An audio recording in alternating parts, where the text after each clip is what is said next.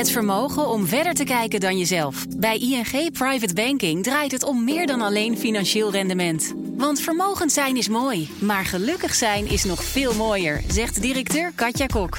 Wil jij weten hoe ING Private Banking klanten helpt om meer betekenis te geven aan hun vermogen? Je leest Katja's verhaal op fd.nl/slash partner slash ING. Altijd en overal verstand van zaken. Download de gratis BNR-app. BNR Nieuwsradio. BNR breekt.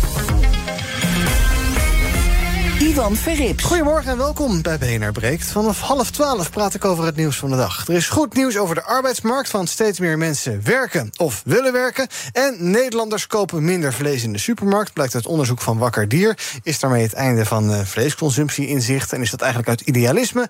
Of gewoon omdat vlees duurder is geworden? Ga ik bespreken met mijn twee panelleden. Vandaag te weten Laura Bas, publiekspreker, Gen Z-expert. Goedemorgen. Goedemorgen. Fijn dat je er bent. En Nathan Kramer, bestuurslid van Perspectief. Dat zijn de ChristenUnie Jongeren. Goedemorgen. Goedemorgen. Welkom. We beginnen met... BNR breekt. Breekijzer. En het breekijzer heeft te maken met politiegeweld. Agenten hebben vorig jaar vaker geweld gebruikt dan het jaar daarvoor. 33.500 keer, dat is een stijging van 12 procent. Mogelijke verklaring voor die geweldstoename is volgens de politie... de verdere polarisatie van de samenleving. Zo staat in het politieverslag het grotere aantal protesten... en de daarvan, uh, dat daarvan een gevolg is, leidt tot meer geweldsaanwendingen. Andere mogelijke oorzaak is het grote aantal incidenten... rondom mensen met verward gedrag. In 266 van die zaken werd niet professioneel opgetreden... meldt het Algemeen Dagblad. Maar nu hebben mensenrechtenorganisaties al langer kritiek op politieoptredens. En dus vraag ik me af, maak jij je zorgen om de toename van politiegeweld? Of is dat misschien ja, ook een logisch gevolg van een samenleving die verhardt? Ons breekijzer deze ochtend. De politie moet minder geweld gebruiken. Ik ben heel benieuwd hoe jij erover denkt. Pak je telefoon en bel naar 020 468 4x0. Dus nu bellen, dan kom je zo in de uitzending 020 468 4x0. Je kan ook van je laten horen via Instagram. Daar heten we BNR Nieuwsradio. Maar het leukste is, meest handig ook voor de uitzending, is even bellen 020 468 4x0. Zometeen hoor je hoe Nathan en Laura erover denken. Maar ik begin bij Marnix IJsing-Smeets. Hij is lector publiek vertrouwen in veiligheid in de Hogeschool in Holland. Goedemorgen. Goedemorgen. De politie moet minder geweld gebruiken. Wat vind jij? Um, nou, uh, het liefste zag ik natuurlijk dat de politie helemaal geen geweld zou gebruiken. Of zou moeten gebruiken. Mhm. Mm -hmm. Maar ja, in een wereld waarin we leven, is het ook heel fijn dat we een partij hebben die we speciaal hebben aangewezen. Om als er nare dingen gebeuren, mensen beschermd moeten worden. Uh, vervelende mensen aangehouden moeten worden, dat die als enige geweld mag gebruiken. Ja. En dan ben ik wel heel blij dat ze er zijn en dat ze dat geweld toepassen. En als je die cijfers dan zo ziet vandaag, uh, baart dat jou dan zorgen? Of zeg je, nou, dat valt me eigenlijk uh, best wel mee en dat gaat best wel prima hier? Nou, kijk, ik ben uh, wetenschapper. Ja. En dan ben je altijd wat kritisch. En het eerste wat ik dan denk is: hé, hey, is er wat veranderd in de registratie? Dat is altijd het eerste wat ik vraag, zeker mm -hmm. ook bij politiecijfers. En uh, wat je ziet is dat eigenlijk het systeem, het, het, uh, het systeem wat bij de politie is ingericht om geweldtoepassing verantwoord te laten zijn, is vorig jaar veranderd. Mm -hmm. En er is heel veel uh, interne communicatie over geweest, opleiding over geweest. En dan is mijn eerste neiging om te denken: hé, hey, dat zou ook wel eens hebben bijgedragen aan wat meer registraties. Dus ik vlak niet uit wat de politie zelf zegt over polarisatie, verwarde personen, et cetera. Ja. Maar het eerste altijd wat ik, waar ik naar kijk is de registratie zelf. En ik denk dat daar ook wel eens een, uh, een op zichzelf staand effect in zou kunnen zitten. Ja, want... Gewoon meer aandacht hiervoor binnen de politie en daardoor ook meer registraties. Ja, dat wordt ook genoemd inderdaad. Hè, dat vooral sinds 2019 daar meer aandacht voor is. En ja, als je meer gaat registreren, dan zie je ook meer. Dus dat verklaart ja. ook dat het dan toeneemt. Oké, okay, laten we zo verder praten over de details en waar het dan uh, goed gaat en waar het misgaat, waar het beter kan. Ik ga eerst een rondje in mijn panel doen. Laura, ons breekijzer. De politie moet minder geweld gebruiken. Wat is jouw indruk?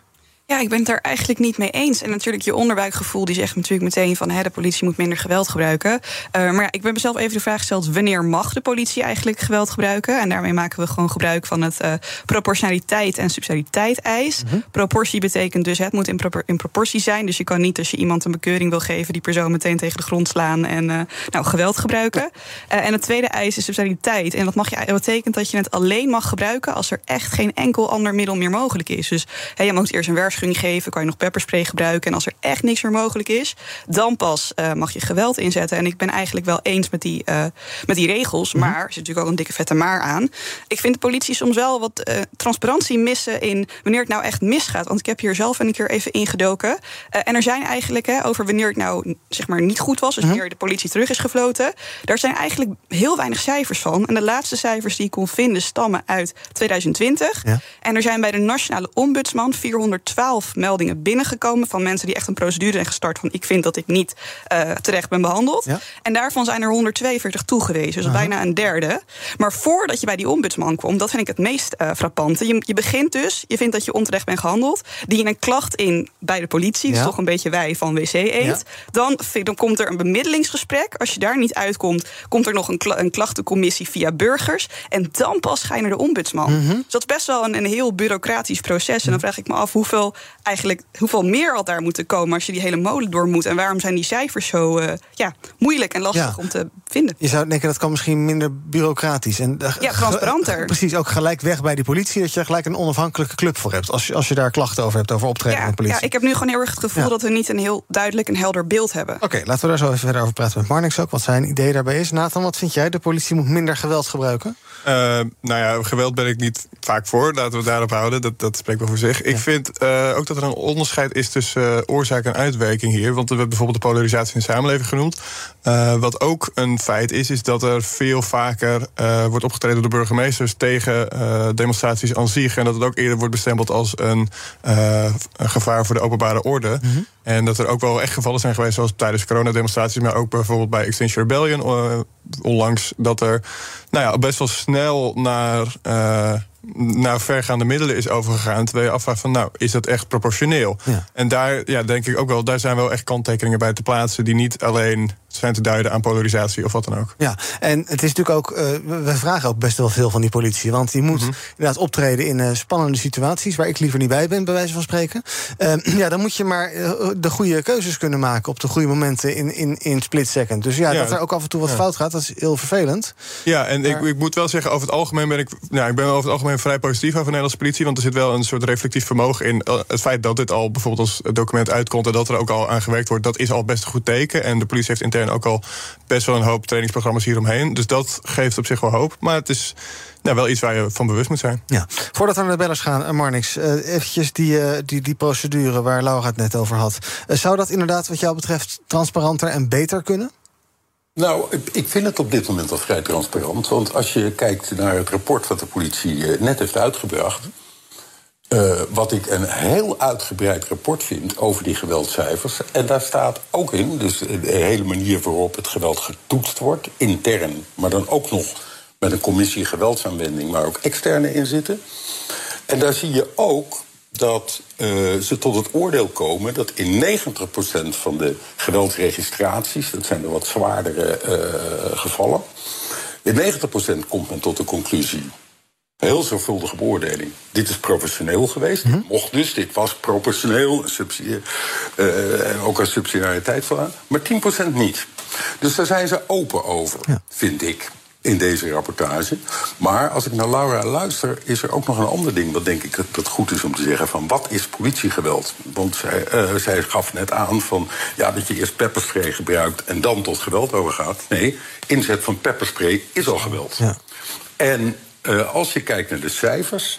Want de meeste mensen hebben bij politiegeweld zoiets van... ja, dat is dan heel hard slaan met een wapenstok of dat is schieten. Nee, 60%, bijna 60% is gewoon fysiek geweld. Dus uh, iemand in een houtgreep nemen... Ja.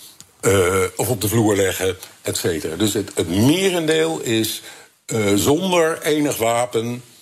maar wel iemand geweld, uh, met geweld uh, ja, iets gedaan krijgen. Brengen. Ja, precies. Ja. We gaan naar onze bellers. 020 468 4 keer 0 Breekijzer vandaag. De politie moet minder geweld gebruiken. Ik ben heel benieuwd hoe jij erover denkt. Even kijken wie het langst aan de telefoon hangt. Dat is Mirko. Goedemorgen. Goedemorgen, met Mirko. Hallo. Hallo, zeg het maar. Hi. Ik, uh, vooropgesteld, ik ben uh, echt tegen geweld. Maar ik ben ook niet van mening dat de politie met inzetten. Uh, ik ben waarom niet. in. Ik ben gewoon, althans hier, dat de samenleving gewoon echt verhardt. Ja. En, en, en, je ziet het gewoon. Nou, laat ik bijvoorbeeld, bijvoorbeeld bij, bij, bij de spoorwegen. Er is een conducteur die vraagt om zijn kaartje, die rijdt zwart. En die, die, ja, zo'n conducteur die wordt gewoon in elkaar geslagen. Alleen maar omdat, omdat iemand uh, zwart rijdt en, en, en, en, geen kaartje heeft. Of iemand die zit zijn voeten op, op, op de bank en een conducteur die zegt er wat van. En die wordt gewoon in elkaar geslagen. En, en wat bedoel ik daar dan mee? Uh, de, de, de, maatschappij verhardt gewoon. En het lijkt alsof iedereen, althans iedereen, de maatschappij zich niet meer laat vertellen wat ze moeten doen. Ja. De verbinding is wat slecht, dus ik houd even hierbij, Merkel. Maar je punt is duidelijk. Jij zegt de maatschappij verhardt. En dat vraagt dus wellicht ook om een reactie. Dank voor het bellen. Diederik, goedemorgen. Ja, goedemorgen. Uh, nou, ik geloof prima dat ze in de meeste gevallen best wel goed doen hoor. En ik zie ze ook best wel prima optreden.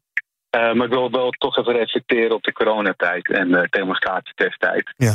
Dat toen wij met een groep van 1000, 2000 waren, toen werd er volop geweld gepleegd. Alles werd ingezet. Um, totdat de groep op een gegeven moment groot genoeg was. Ja. En de politie niks meer kon doen. En wij lieten zien, wij gaan niet wijken en we lopen gewoon door jullie linies heen te spaar. En dat was ook de kering van destijds het coronabeleid. Uh, en toen hield de politie denk ik op met geweld plegen. Dus uh, het wordt wel selectief toegepast. Ik vind het prima dat het over het algemeen goed gaat. Ja. Uh, maar ik vind wel dat dit soort punten, en dat zie je natuurlijk ook bij de hooligans. toen Ajax destijds speelde, toen stonden er 30.000, toen werd er niks gebeurd. Ja. Er was een demonstratie en toen werd er wel keihard ingekregen. Dus, en hoe, hoe, hoe, verklaar je dat? Die, die in je, ja, ik hoor dat, dat je dat ja, selectief ik, vindt, maar ik, hoe verklaar je dat? Ik ben, ik ben geen politieleiding. Nee, okay. uh, ik denk natuurlijk dat uh, angst voor opgeregenheden meespeelt. Escalatie, dat soort dingen. Ja. Um, dat is allemaal prima. Maar ja, dan moet je daar op een of andere manier wel één lijn in trekken. Het kan niet Ja. zijn dat het ene wel kan en het andere niet. En ik geloof niet dat wij gevaarlijker waren, wat wij per definitie niet waren, Mhm. dan 30.000 hooligans die bij het Ajax-stadion Nee, je moet consequent zijn. Duidelijk, dankjewel voor het bellen, Diederik. Gaan we zo nog even over doorpraten. Riek, goedemorgen. Zeg het maar. Ja, ik uh, wilde even reageren op de stelling. Ik Ja. uh, ben het absoluut niet eens met de stelling. Dat de politie, indien mensen daarom vragen en uit, politie uitgenodigd wordt om op te treden.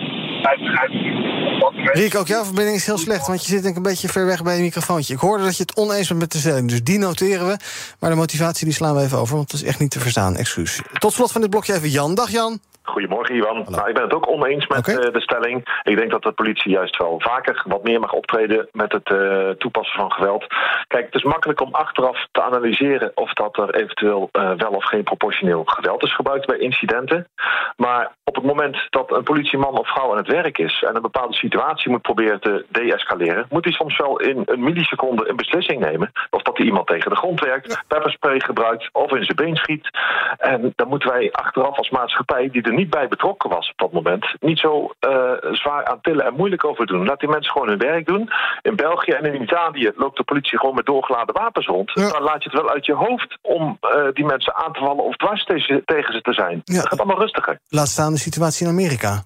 Bijvoorbeeld, ja. Ja, maar nou- goed, daar, hebben, daar, daar heeft natuurlijk iedere doorgesnoven gekke wapen. Dus dat is een andere situatie. Maar dat hebben wij gelukkig niet. Dus daar hebben wij vooralsnog ook geen last van.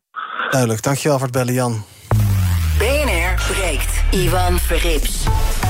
En ons breekijzer vandaag. De politie moet minder geweld gebruiken. Wat vind jij? 020 468 4 keer 0 is ons telefoonnummer. Als je nu belt, kom je ergens in de komende 10 minuten nog in de uitzending.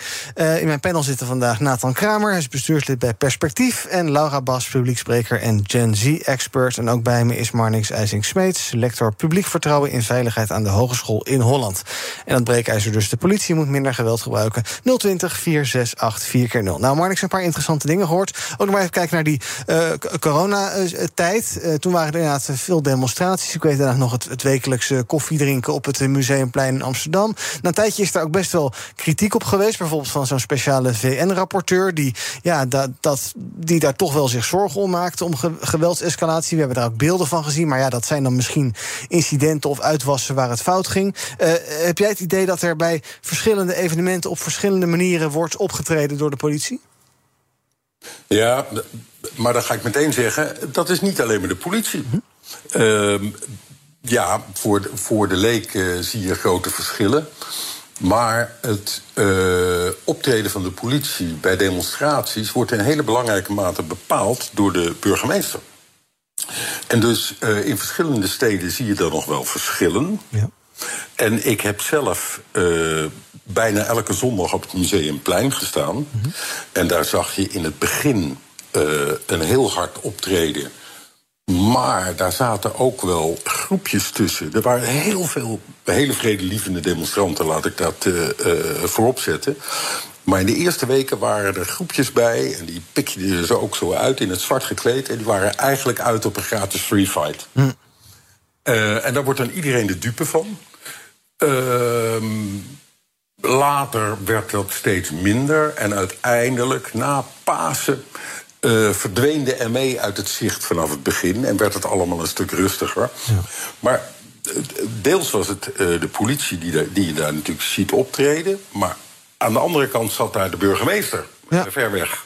Als, als... Uh, te bepalen wat er moest gebeuren. En ik had wel een beetje het gevoel dat bij Halsema in die begindagen uh, het Dam-trauma meespeelde. Die, oh ja. uh, demonstratie op de Dam uh, voor Black Lives Matter. Ja. Waar zij enorm werd kwalijk genomen dat ze niet had opgetreden. Ja. En ik had het gevoel van, hé, hey, op het Museumplein wil ze even laten zien dat ze wel kan optreden. Want ja. ik vond het soms wel uh, lastig te begrijpen wat ja. er gebeurde. Ja, maar dan moeten we dus bij haar zijn en niet bij de politieorganisatie. Precies, ja, de politie krijgt het op zijn brood, ja. maar ja, de burgemeester bepaalt. Ja. Nathan, er is ook best wel, uh, je hoort best wel in de media af en toe uh, zaken als ja, als, als klimaatdemonstranten gaan demonstreren, dan gebeurt er niks. Maar als de boeren de straat op gaan, dan worden die keihard aangepakt. Of andersom, je hoort eigenlijk mm. alle varianten. Is, is dat ook jouw indruk dat, dat het meespeelt welk, voor welk thema wordt gedemonstreerd, in hoeverre en hoe de politie optreedt? Of... Uh, soms. Je hebt bijvoorbeeld met de boerenprotesten... Nou,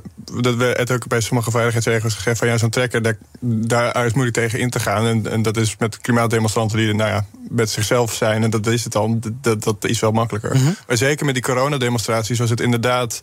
Um, want er was en nog bij gecombineerd dat er de angst was, uh, die nou, niet, niet, ook niet helemaal onrealistisch van, oh, dit, dit kan een soort superspreader worden en wat dan ook. Ja. En dat het daarvoor wel sneller werd gegaan van, oké, okay, dit is echt een heel groot veiligheidsrisico en dit willen we niet en dit uh, slaan we neer. En die, dat, die gedachte van dat er wel een soort angst is voor de openbare orde bij een demonstratie sowieso, ja, die is wel wat verder opgeschaald uh, door de coronatijd heen, ook nu nog, dan daarvoor. Ja.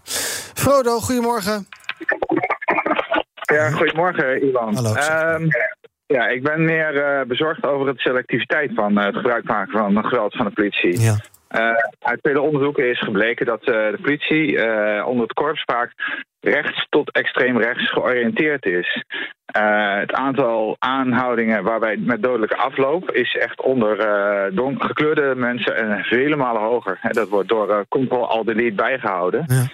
En wat jullie net al genoemd hebben, uh, ook onderzocht. Sympathie onder de boeren voor de politie. Of nee, uh, sympathie onder de politie voor de boeren die was ook hoger hè? En in vergelijking tot Extinction Rebellion. Dus dat is mijn zorg vooral, de selectiviteit. Ja, duidelijk, dankjewel. Ik zag inderdaad ook een artikel van uh, Follow the Money. Dat was van, uh, even kijken, nou, uh, een maand geleden of iets dergelijks. Daarin stond ook van, ja, er is inderdaad geïnventariseerd door de politie... tegen wie en wanneer zij geweld gebruiken. En dan blijkt dus inderdaad dat daar vooral jonge mannen van kleur... dronken uitgaanspubliek en verwarde mensen te maken krijgen... met geweld door de politie. Wat zegt dat jou, maar niks? Uh, ja, je komt dan in een heel complex uh, veld terecht. Uh, dronken uitgaanspubliek, ja. Ehm, verwarde personen, ja. Mm -hmm. want die zijn dan namelijk op dat moment ook niet voor reden vatbaar. Mm -hmm. En moet je dus wel geweld gebruiken. Ja. En ehm, helaas hebben we ook uh, in de criminaliteit en met name in de wat heftiger straatcriminaliteit een oververtegenwoordiging van gekleurde jonge mannen. Dat kunnen we niet leuk vinden. Mm uh, ik vind het ook een van de uh, grootste zorgen van dit moment. Dat als we niet veel meer in een aantal achterstandswijken in Nederland fors investeren in het bieden van kansen aan deze, aan deze jongens. Dat we zo direct een forse criminele onderklasse overhouden. waar we nog decennia lang problemen mee krijgen. Ja. En dat kan je niet alleen maar afschuiven op rechtse sympathieën van de politie. Uh, want heel eerlijk gezegd, ik heb ook bijvoorbeeld bij alle, uh, of bij de meeste Extinction Rebellion demonstraties gestaan. Ik zie dat uh, politiemensen er ook heel veel begrip voor hebben. Dus het is, als je denkt dat dat begrip voor de ene of voor de ander zwaar meetelt in het optreden, het is niet mijn ervaring. En als dat ook zo zou zijn, zou ik dat een bloedschandaal vinden. Want daar is de politie niet voor. De politie is er niet voor om haar eigen sympathieën in het werk tot uiting te laten komen. Nee. Is jouw indruk... volstrekt neutraal zijn. is jouw indruk dat er wel meer geweld tegen agenten gebruikt wordt? Of uh, dat ook niet per se? Ik moet even terugdenken aan de beelden die ik eh, deze week uit Frankrijk zag. Waarbij je dan ziet dat inderdaad uh, molotov-cocktails naar agenten worden gegooid. Ja, dan moet je wel iets gaan doen. Uh, nou is Nederland geen Frankrijk, maar heb jij het idee dat, dat, dat er meer geweld richting de politie is? Of valt dat wel mee? Nou ja, een paar weken geleden kwamen de geweldcijfers tegen de politie uit over het uh, afgelopen jaar. Er zat een lichte stijging in, niet zo'n uh, hele grote. De politie zei daarbij wel dat het geweld harder werd. Uh, dat blijkt overigens niet helemaal uit die cijfers. Uh, maar je ziet wel dat er incidenten zijn waarbij het geweld wel hard is ten opzichte van wat we een tijd lang gewend zijn. Neem ook bijvoorbeeld de, uh, de achtervolging van de overvallers van een, een, een goudhandel in Amsterdam. Ja, jongen, naar Broek, Broek in een enorme schietpartij ja. ja. bij Broek en Waterland. Ja, dat zijn dingen die we al een hele tijd niet meer hebben meegemaakt. En dat is van een hardheid, dat wil je niet weten. Uh, ook uh, wat je ziet bij plofkrakers, uh, gasten in het drugsmilieu. Ja, we hebben uh, advocaten die nou zijn omgelegd. We hebben Peter R. de Vries die erdoor gesneuveld is. Dat is ook een hardheid die we lang niet meer hebben meegemaakt. Dus je kan niet zeggen, um, er is geen sprake van een verharding. Maar ik tegen wil gaan, is dat we zeggen dat die verharding dwars door de hele samenleving zit. Want volgens mij is dat niet het geval. Nee, deel jij die analyse, Laura? Inderdaad, want je hoort inderdaad best wel vaak ja, de, de samenleving die verhardt. Ik zei het net ook. Um, ja, het is ook maar net waar je zit in de samenleving. In de zin van, ja, of dat nou in jouw bubbel gebeurt of niet. Ja. Ja, ik deel deze analyse uh, zeker wel ook deels. Uh, wat ik natuurlijk wel nog vind, uh, wat ook net aangehaald wordt, is dat mensen van kleur vaker. Hè, dus een, een delict plegen of dat die daar meer vertegenwoordigd zijn. Maar je ziet natuurlijk wel, hè, etnisch profileren is ook een ontzettende discussie. Mhm. En ik wil daar wel graag bij het uitgangspunt blijven dat je pas echt iemand gaat staande houden als, uh, of, of, als er echt sprake is van verdenking. En niet alleen maar omdat je iemand met een persoon van kleur in een dure auto uh, uh, ziet rijden. Ja, waarbij de Marseillais ook laatst heeft uh, aanwijzigingen in hun beleid is doorgevoerd. Hè. Dat ze inderdaad keken naar uh, bepaalde factoren waar ze niet naar hadden mogen kijken. En dat hebben ze dus ook veranderd. Hm. Marnix, tot slot. Ja, conclusie, het gaat dus eigenlijk best wel goed in ons land wat dit betreft. Het kan misschien nog wel beter, maar het, is, het is niet enorm doorgeslagen. Nou, waar ik heel blij mee ben, is uh, uh, dat de politie deze uh, uitgebreide analyse naar buiten heeft gebracht. Want dat betekent dat ze het zelf serieus nemen. Ze zeggen ook nog. In de cijfers zitten een aantal dingen die we nog niet goed begrijpen. Daar gaan we het komende jaar induiken. Daar ben ik verschrikkelijk blij mee. Want dan kom je dichter bij wat je er ook aan kunt doen. En uh, daarnaast zou ik. Kijk, de vergelijking met de Amerikaanse politie kwam al even voorbij. Mm -hmm. Nou, ga eventjes op je social media timeline eens uh, uh, interacties tussen politie en Afro-Amerikanen in Amerika zien. Uh, je mond valt open. Ja. En ik hoop dat we daar. Daar zijn wij namelijk in Nederland lang niet. En ik hoop dat we daar heel ver vandaan blijven. Want dat is een situatie waar ik niet in terecht wil komen. Het beroemde driving black. Mm -hmm. uh, uh, als als uh, vorm van criminaliteit waarop de politie ehm, eh, van alles met je doet.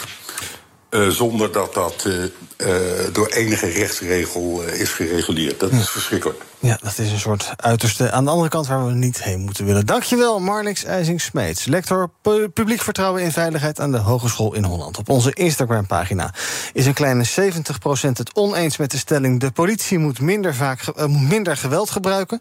Daar kan je nog de hele dag van je laten horen op BNR Nieuwsradio op Instagram.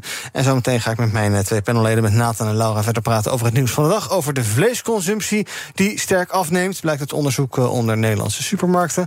Ehm, en eh, ja, maak die sokkels maar vast vrij, want daar mogen wel wat meer vrouwen opgehezen worden. Het gaat om standbeelden. Vrouwenstandbeelden zijn tamelijk schaars in ons land, schrijft Trouw.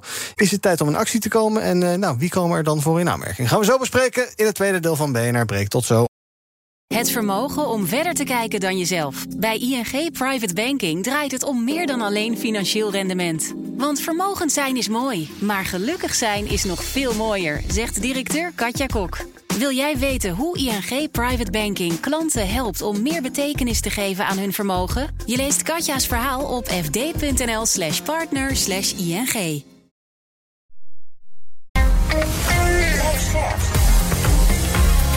BNR Nieuwsradio. BNR breekt. Ivan Verrips. Welkom terug in mijn panel vandaag. Laura Bas, publiek spreker, Gen Z-expert. En Nathan Kramer van Perspectief, de jongere partij van de ChristenUnie. We gaan praten over het nieuws van de dag. Nog nooit was het aantal Nederlanders dat behoort tot de beroepsbevolking zo hoog. En het zijn vooral de 55-plussers die meer zijn gaan deelnemen aan de arbeidsmarkt. Nou, goed nieuws zou je zeggen. En arbeidseconoom Ronald Dekker van TNO die heeft al een verklaring hoe dat komt. Heel veel werkgevers bijvoorbeeld in de zorg zeggen van je, we kunnen je niet meer uren geven.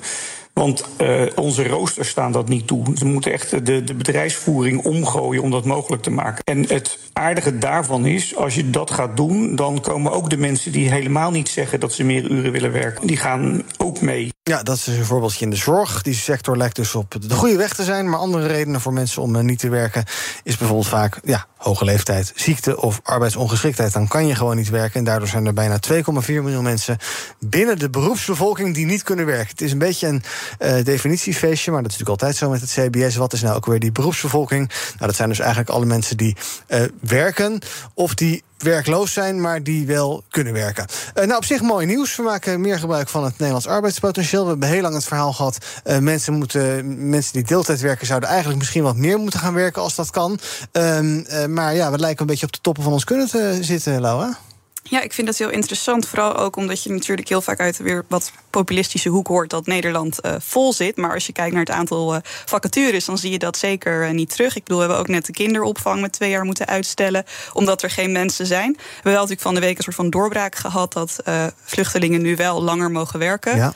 Uh, ja, ik zou zeggen, zet die lekker in de kinderopvang. Maar dan krijg je natuurlijk weer heel populistisch. Heel veel mensen die meteen op hun uh, achterpoten uh, gaan staan. Ja. Um, maar ja, en verder wat ik hier ook nog over kan zeggen, ja, wat ik ook wel heel interessant vind, is we doen allemaal alsof het zo onverwachts is. Hè, dat we nu een heel groot personeelstekort uh, hebben. Maar als je gewoon de bevolkingspyramide erbij pakt, dan zie je dat Nederland en eigenlijk Europa aan zich uh, heel erg aan het vergrijzen is. Dus het is niet zo dat dit totaal uit de lucht is komen vallen. Dit was gewoon helemaal uh, ja, voorspeld eigenlijk. Ja, we hadden het allemaal kunnen zien aankomen. ken jij nog mensen in jouw omgeving die niet werken? Nou, ik ken er, en er genoeg. Uh, ja, ook nou, sommigen die ook al met pensioen zijn, daar die van. Maar, uh, nou, dat speelt ook mee, want die pensioenleeftijd wordt steeds hoger. Ja, dus uh, mensen moeten ook aan de ja, dus langer blijven werken. Je ziet, dat zie je ook wel een afkap van. Het, maar het schijnt ook dat dus tussen de 55 en 65 dat het aandeel werkende daarvan van ongeveer 25% in 2003 naar iets van 57% nu is gegaan. Dat viel mij ook best wel op. En dat denk ik heeft ook wel meer te maken met dat we nog meer op kantoor zijn gewerkt dan op een werkplaats of een fabriek. Uh, dus dat scheelt ook mee in ja, op welke leeftijd het dan met uh, niet meer gaat werken. Ja. Um, en, en ja, wat Laura ook zei, je zag in 2013 zag je een heel duidelijke piek van uh, het aantal uh, werklozen. En dat er echt uh, het aantal vacatures er niet mee matchte. En je ziet gewoon dat die, die lijn heel vloeiend eigenlijk tot nu doorgaat. Mm. En met een kleine onderbreking in corona. Maar voor de rest, ja, dus dit, het volgt best wel een, een, een voorspelbaar patroon. Ja. dat we nu gewoon meer vacatures hebben dan werkenden. Ja, moeten we misschien ook gewoon accepteren dat er uh, grenzen aan die beroepsbevolking zitten? En ik zag ook um, nou, eind vorige maand, 20 april, geloof ik, een bericht van Indeed. Die zeiden over het eerste kwartaal van dit jaar dat het aantal openstaande vacatures een beetje aan het afnemen was. Uh, heeft ook te maken met ja, toch wat economische onzekerheid waarschijnlijk. Um, uh, vraag eventjes, zeker sommige sectoren, bijvoorbeeld de bouw is een van de mhm. sectoren waar het aantal vacatures daalt. Nou, dat is best goed begrijpelijk, want ja, stikstofproblematiek, hoge rente, waardoor veel bouwprojecten stil liggen. Ja, uh, dan maar wat minder economische groei, toch? Ja. Ja, precies. Ja, en ook gewoon wat ik ook denk, hè, zeg maar, dus ook een beetje. Bijvoorbeeld bij buitenlandse zaken om in het diplomatenklasje te worden, daar heb je 20 plekken solliciteren, 900 mensen per jaar op. Dus het is ook een beetje hoe aantrekkelijk maak jij je werk als werkgever. En je ziet het nu in de horeca. Nou, we hadden het er net over. FNV is vandaag aan het staken. Mhm. Zorg gewoon dat je je mensen goed betaalt en dat je goede arbeidsvoorwaarden hebt. En dat je ook leuke werkomstandigheden creëert. En dan geloof ik dat er echt wel mensen naar je toe uh, komen. Ik bedoel, mijn moeder heeft me altijd geleerd: uh, als, je werk, als het werk echt zo leuk is, dan hoef je eigenlijk geen sollicitaties uit te zetten. Dan komen mensen massaal naar je toe. Ja, en kijk ook kritisch naar uh, als werkgever wat voor vacatures bied je aan. Want dat heb je dus bijvoorbeeld uh, toen de werkloosheid hoog was, denken veel werkgevers van nou, dan maken wij wat meer vacatures, dan gaan we een beetje wat meer opsplitsen en dan kunnen wij wat meer posten vullen. En nu zie je dus met de bedrijfsstructuur, dat is bijvoorbeeld in de bouw weer, uh, het aantal architecten of het aantal bouwkundigen per opgeleverd gebouw in Nederland is ongeveer van uh, nou, ongeveer 50 mensen per gebouw naar iets van 300 mensen per gebouw gegaan. Uh, vergelijking van de jaren 70 en nu. Mm -hmm. Ja, dus er zijn veel meer arbeidsposten nodig voor dezelfde taak. En die zijn wel complexer geworden, die taken. Maar ja, ik denk dat we daar eigenlijk best wel in overdreven zijn. Ja. Uh, jij denkt, uh, hoe, zie, hoe zie jij je eigen carrièrepad voor je? In de zin van, wordt het gewoon uh, vol, voltijds werken tot je... Nou, hoe oud zal de pensioenleeftijd zijn als jij... 92. Precies? Ehm, nou, ik, ik denk wel... Mijn, ja, mijn vader heeft bijvoorbeeld als timmerman lang gewerkt... en die is, nou, die is, die is al wat eerder gestopt met werken. Die is nu 60. Ehm, en, maar die, ja, die is ook gewoon best wel versleten. Die heeft vanaf de 16 gewerkt. Ik denk dat ik waarschijnlijk nou, achter de kantoorbaan uh, bij EZG en dan niet uh, zo fysiek bezig ben. Dus ik denk dat ik wel tot mijn 70 ga werken. Dat gaat. Ja.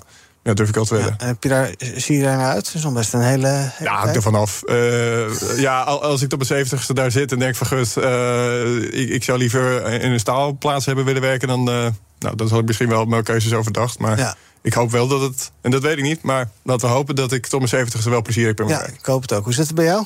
Nou, wat ik hier nog wel grappig aan vind, is uit mijn generatie, ik zit ook een beetje als Gen Z-expert, mm -hmm. ik ook aan mezelf, steeds meer jongeren gaan voor zichzelf beginnen. Mhm. En dat helpt natuurlijk ook niet bij alle vacatures die openstaan. Maar wat altijd heel grappig is, als wij jongeren worden altijd heel erg neergezet dat we verwend zijn, dat we niet fulltime willen werken, ja, dat we vier dagen in de week werken. Maar als je nu kijkt naar wat nou een oplossing kan zijn voor al deze vacatures, is dat je ouderen, dus mensen die gaan pensioneren, wat langer laat doorwerken. Want die mensen zijn vaker uh, nog best wel heel erg vitaal. Ja. En die, die hebben daar ook behoefte aan.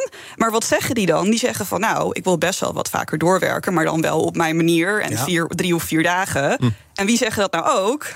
De jongeren, de jongeren. wij. Ja. Dus uiteindelijk zoveel verschil is er eigenlijk helemaal niet. Nee, en dan zijn er bij die ouderen altijd die misverstanden van... ja, maar dat is heel duur en die mensen zijn altijd ziek... en die hebben altijd te zeuren en die leren niet zo snel meer. Dat valt geloof ik ook best wel mee. Ja, en wij zijn die verwende millennials die niet weten wat echt werk ja, is. precies, die altijd dronken zijn enzovoort. Nou, precies. Nou ja, dat vul ik maar even zelf in. Tot slot nog eventjes. Het was uh, 1 mei, uh, dag van de arbeid. Uh, ik zag een grafiekje voorbij komen waaruit bleek dat Nederlanders alsnog geloof ik een van de het laagste aantal uren per week werken in de EU. Ja. Dus misschien kan er nog. Weet je trouwens wie, welk land het meeste aantal uren werkt? Ik heb dat grafiekje. Griekenland. Ja. Griekenland werkt. 46 of zo? Nou, ja, 50 werken ja. die. Dus dat, dat is ook wel raar. Er is een soort stereotype. Dat is ook een beeld van dat ze allemaal luie uitvreters die wij ja, terwijl ze werken het meeste aantal uren. Wij zijn degene die eigenlijk, als je het zo kijkt, het luistert zijn. Ja, dus? Nou ja, je kan ook zeggen van, wat doe je dan per uur? Is het wel productief genoeg? Dat ja. zijn we ook weer andere statistieken. Ja, precies. Of zitten mensen die zeggen, nou, ik heb een voltijdsbaan... zitten die de hele dag uit de neus te vreten? Zo kan je het ook zeggen. Um, ik heb wel nog een laatste pleidooi, denk ik, voor meer waarde in werk. En ja. als je de bullshitbanen, die nou, onder onze generatie ook uh, zeer populair zijn... om, om niet aan te nemen... Ja. Uh, als die kunnen verminderd worden en wel gewoon werk kan worden gedaan dat zingeving en biedt en ook uh, nuttig is voor de economie en daar gewoon echt de kern in kan liggen van welke vacatures er zijn, dan denk ik dat het helemaal niet zo erg is als we te veel vacatures hebben, als ja. ze maar ergens toe leiden. Nou, misschien gaat uh, automatisering en ook AI-achtige oplossingen ons daar vanzelf bij, bij helpen dat al die flauwekulbanen waar eigenlijk geen mensen van nodig zijn, dat die verdwijnen, dat wij ons op allerlei mooie creatieve dingen kunnen storten. Dan gaan we het hebben over vlees, want... Stel je eens voor, een rij koeien, varkens en kippen van Amsterdam tot Brussel. Zie het voor je? Zo bizar veel dieren eten we in Nederland elke dag. 600.000. Dus elke dag dat we dat niet doen, telt. Ja, ik zag een soort heel langlopend buffet voor me, maar dat terzijde. Wakker Dier zet zich al jaren in tegen de consumptie van vlees. En voor hen is het vandaag een mooie dag, want uit hun onderzoek... bij Nederlandse supermarkten blijkt dat we in ons land... een stuk minder vlees zijn gaan kopen bij die supermarkt. Vorig jaar eh, ruim 7% minder vlees verkocht... blijkt uit onderzoek van Wakker Dier. Dus daar zijn een paar redenen voor. Nou, uh, bewustzijn over dierenleed, wat zij uiteraard heel belangrijk vinden. Bewustzijn over het milieu, bewustzijn over gezondheidsredenen. Maar denk ik dan ook, Laura, uh, inflatie. Vlees is fors duurder geworden vorig jaar. vleesvervangers die zijn ook wel duurder geworden, maar minder duurder dan vlees. wat denk jij dat de belangrijkste redenen zijn? Ja, ik denk een combinatie van factoren kan ook? Ik denk dat het hier toch vooral is dat uh, vleesvervangers nu gewoon goedkoper zijn dan echt vlees. Ja, portemonnee. En uh, wat ik wel frappant vond aan dit uh, artikel was ook dat ze zeiden dat in restaurants eigenlijk alleen maar meer vlees wordt gegeten. Ja. En als je kijkt, hè, wat je ziet in de totale vleesconsumptie, zie je deze positieve ontwikkeling eigenlijk niet terug. Want volgens mij was het 2019, 2020, 2021 aten mensen acht 39 kilo vlees per, uh, per jaar. En nu is dat 38 kilo. Dus het is niet een hele grote stijging. Uh, en zeker als je dan kijkt dat mensen in restaurants wel gewoon nog vlees blijven eten. Uh, denk je dat vooral de portemonnee is die hier praat. Ja, wat maak jij hiervan? Ja, ik zat even te kijken naar de lange historische ja, data. Ja. Uh, het valt op dat het Nederlandse consumptie van vlees sowieso echt is geëxplodeerd na de Tweede Wereldoorlog. We zijn van ongeveer nou, 48 gram uh, per dag in 1950 gegaan naar ongeveer 109 gram nu, dus meer dan mm -hmm. dubbele. Uh, maar wat ook opvalt, is dat het aantal geconsumeerde groenten en aardappelen per dag is afgenomen. Mm. Dat is van 365 gram in 1950 naar 233 ongeveer nu. Dus dan denk ik van, nou, dat, dat valt wel te compenseren. En als het wat duurder wordt met het vlees zoals nu, dan denk ik van nou, dan kan er nog wel een extra stronk uh, broccoli of spruiten tegenaan. Ja, op zich, uh, minder vlees is uh, iets waar veel mensen voor strijden. Wat ook op zich, als je nou aan klimaat denkt en dergelijke, best een verstandig idee is. Aan de andere kant hebben we een tijdje geleden ook Mark Rutte gehad. Die zei, nou, een beetje barbecue moet wel blijven kunnen. Dus er zit ook wel iets in van, we laten, hè, het is ook een beetje voorpagina Telegraaf, we hm. laten ons onze gehaktbal, de gehaktbal, niet, de gehaktbal ja. niet afpakken. Gaat het ooit gebeuren dat we naar een vleesloze samenleving gaan, denk jij, Laura? Of Vleesloos denk ik niet. Maar ik denk dat het wel een goede ontwikkeling is. Dat we ook voor het klimaat dat we wat uh, minder vlees eten. En misschien wat meer kwalitatief vlees. Hè. Die bio-industrie die moet nog steeds op de schop. Dus uh, wel gewoon vlees eten van dieren die wel nog uh, die niet onder erbarmelijke omstandigheden volgemest zijn. Ja, denk jij, is het ooit klaar met vlees? Nou, ik denk vleesloos, dat zie ik in mijn leven niet gebeuren. Ja. Ik hoop wel dat we meer spruiten gaan eten. Oké, okay, dat is überhaupt niet, niet onverstandig. Uh, nu dus die afname. Ze vind spruiten best lekker in tegenstelling tot velen. Ja, uh, hoe bereid je ze trouwens? Uh, ik, ik, doe ze vaak in de oven. Oh ja, ik bak ze vaak. Dat, oh, dat is ook goed. Beter ja, dan koken. Want beetje, beetje kaneel als je ze erbij. Oh, dat vind, klinkt heel goed. Ja, het, nee, het is best wel lekker. Als je ze in kookt, dan wordt ze snotterig goor. Ja, dat zou ik niet doen, maar bakken of in de oven kan. Dus beste mensen, in de oven en bakken is de beste manier om spruiten te maken. Nou, tot zover dit. Tot zover. Kookprogramma. Tot slot nog even 7% afname in de supermarkt. Wat moeten we daarmee? Want je zou kunnen zeggen van, nou ja, dat neemt misschien dan weer een keer toe als die prijzen wat zakken en dan gaan we weer lekker door met vleeskanen. Moet je daarop inspelen, ook als supermarktsector zijnde? Nou, volgens mij was het jaar ervoor ook 7%. Dus we hebben wel bijna sprake van een trend. Dus ik uh, ben heel benieuwd wat ze volgend jaar gaan zeggen. En of die trend zich voortzet dus. Het vermogen om verder te kijken dan jezelf. Bij ING Private Banking draait het om meer dan alleen financieel rendement. Want vermogend zijn is mooi, maar gelukkig zijn is nog veel mooier, zegt directeur Katja Kok. Wil jij weten hoe ING Private Banking klanten helpt om meer betekenis te geven aan hun vermogen? Je leest Katja's verhaal op fd.nl/slash partner slash ING. Joost Hulting en Brit Schorel timmeren internationaal hard aan de weg. Met hun Wild Ride Carrier, een hippe drager voor peuters. Maar succes komt nooit vanzelf. Ook niet voor dit ondernemersduo uit Haarlem. Want ondernemen is nou eenmaal vallen en opstaan. Welke inzichten hebben zij opgedaan om van hun bedrijf een succes te maken? Je leest het op partner.fd.nl/slash exact. Exact. Uitzicht begint met inzicht. BNR breekt. Om 12 uur. Dan gaan we kijken naar wat jullie is opgevallen in het nieuws vandaag. Wie wil er beginnen? Maakt mij niet zoveel uit eigenlijk. Maakt mij niet zoveel uit. Zal ik beginnen? Ja, doen we dat. Ja, je wil het hebben over dat nieuwe, althans nieuwe, eigenlijk hernieuwde, goedkope uh, openbaar vervoerabonnement in Duitsland. Want dat bestond al tijdens corona, toen is het ook bedacht. Hè. Het is nu een soort van hernieuwd. Je kan voor 49 euro per maand onbeperkt gebruik maken van regionale treinen in Duitsland. En uh, nou, het is, uh, er is best wel over gesteggeld, over die prijs. Wie gaat dat betalen dan? Nou, het is nu dus weer doorgevoerd. En dan denk ik een beetje, Waarom kunnen zij dat wel en wij niet? Precies, en daar ben ik ingedoken. Want is inderdaad wordt ook gezegd... Hè, dat zorgt voor reductie van de CO2-uitstoot, goed voor het klimaat. En ik, mij rees ook de vraag van waarom kunnen we dit nou niet in ja. Nederland? Dus vorige week nog in het nieuws geweest... dat er 28 miljard van het klimaatplan bestemd is. Ging 15 miljard naar, naar vroegschalige opst opschaling, vroegtijdige opschaling, wat dan ook mag zijn. Mm -hmm. uh, maar ik was even in die cijfers gedoken. En wat zie je dan? Nou, aan het OV, daar wordt helemaal niet zoveel aan uh, besteed. Wel 600 miljoen voor elektrische auto's en 100 miljoen voor laadpalen. Mm -hmm. En dan zegt je onderbuik misschien van, nou, dat klinkt heel positief. Uh, maar ik was er even ingedoken. En die elektrische auto, die is ontzettend duur. En ze willen dat dan gaan subsidiëren. Maar hè, de welbekende Fiat 500, ja. die is benzine, is die 18.000 euro. En elektrisch is die 30.000 euro. Dus ja. de normale burger is er helemaal niet mee gemoeid. En dan willen wij met z'n allen massaal dat we hè, minder benzine gaan rijden. En uh, hè, dat we niet meer in de file gaan staan. Dat is goed voor het klimaat. Ja. Uh, en wat doet Nederland dan? Ja, nu komt het. Wij maken het OV duurder. Ja, Inderdaad. Dus daar moest ik eigenlijk wel een beetje van huilen. Ja, bovendien, die tweedehands elektrische markt is helemaal niet zo ontwikkeld. Dus daar valt het ook heel erg tegen. En bovendien, de uh, subsidie die je per auto uh, kan krijgen, die gaat ook omlaag. Dus nou, oké, okay, laten we die auto dan maar even vergeten. Als je zegt, dan ik wil, uh, ik wil op een beetje betaalbare wijze duurzaam vervoer hebben. wij maken de treinen naar duurder. We schalen de trein ook af. we maken, werd gisteren nog bekend, treinreizen naar het buitenland ingewikkelder en ook duurder. Je moet van tevoren reserveren als je bijvoorbeeld naar Berlijn of naar Brussel wil.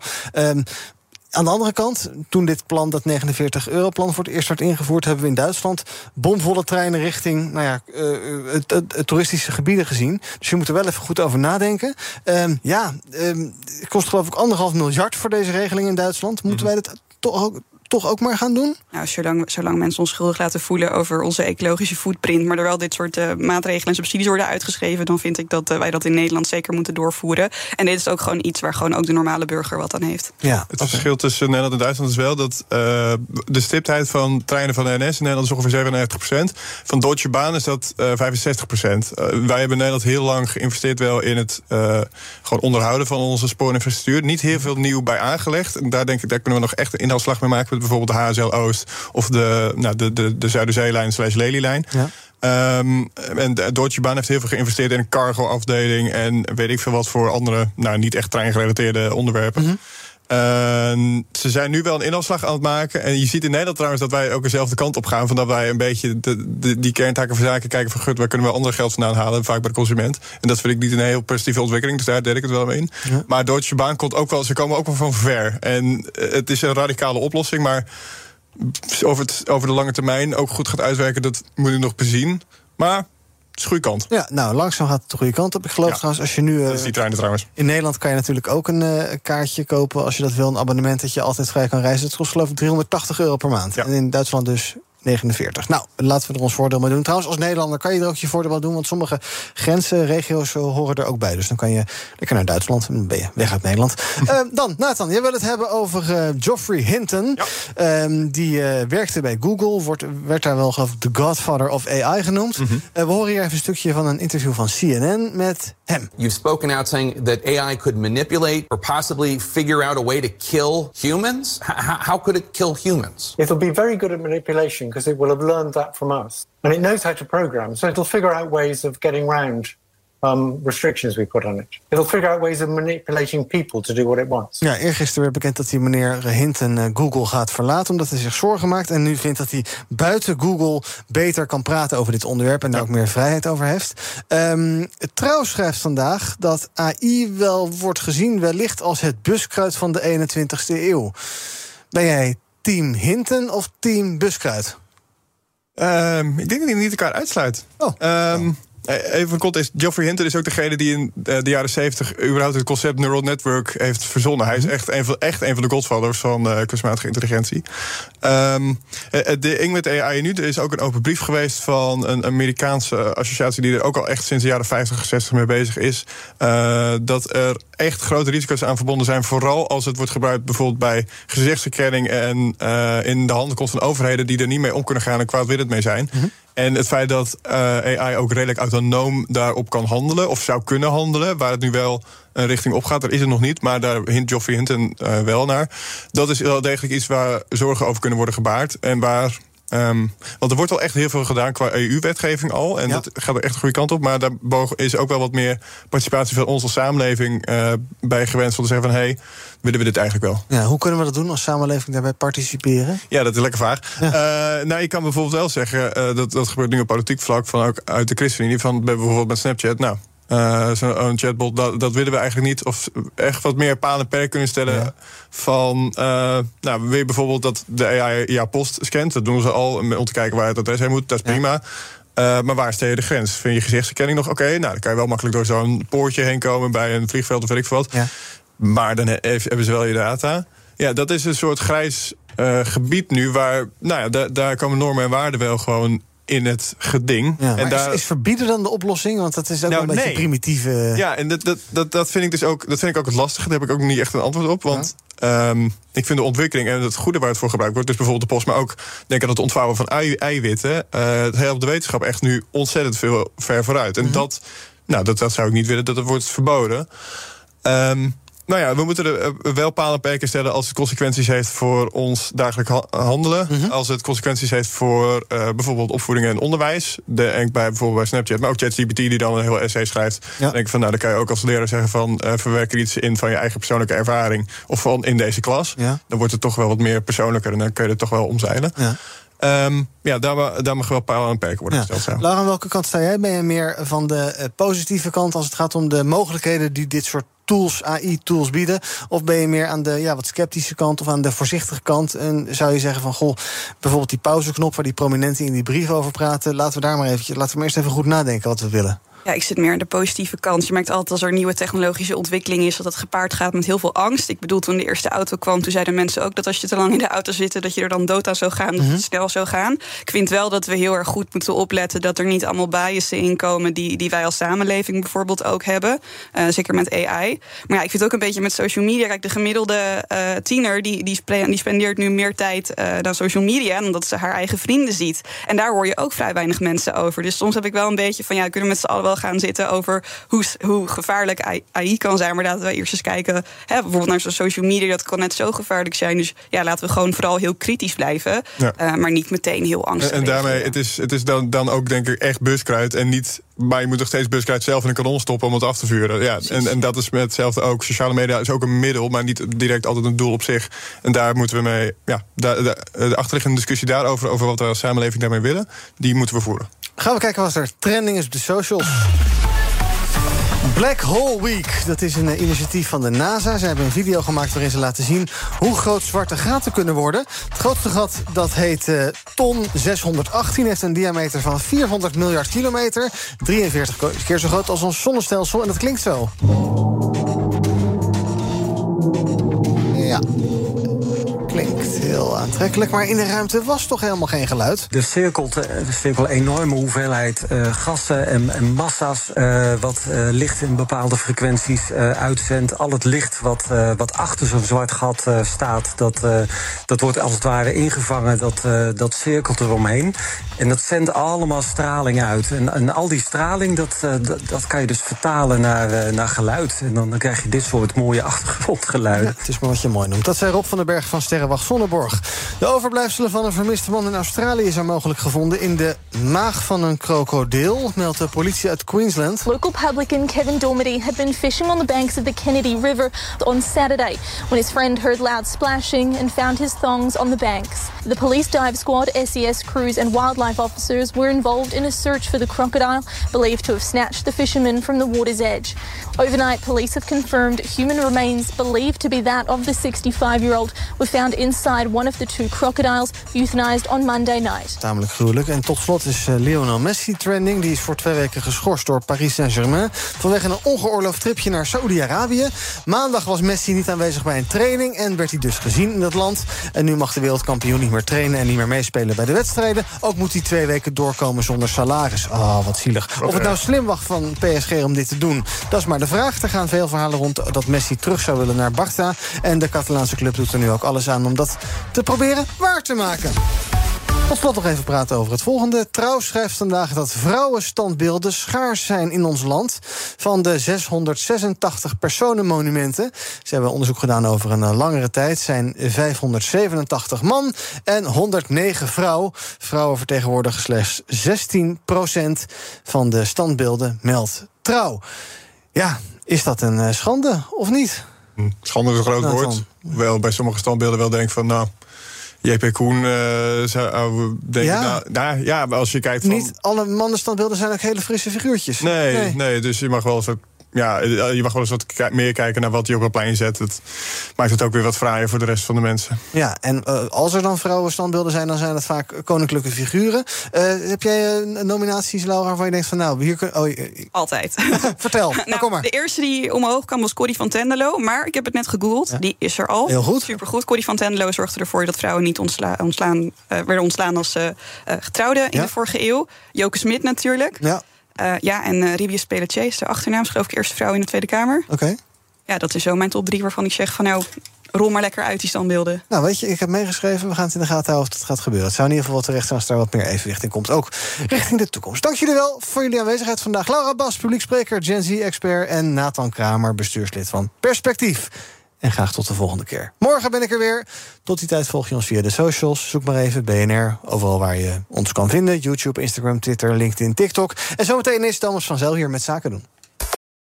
Het vermogen om verder te kijken dan jezelf. Bij ING Private Banking draait het om meer dan alleen financieel rendement. Want vermogend zijn is mooi, maar gelukkig zijn is nog veel mooier, zegt directeur Katja Kok. Wil jij weten hoe ING Private Banking klanten helpt om meer betekenis te geven aan hun vermogen? Je leest Katja's verhaal op fd.nl/slash partner/ing.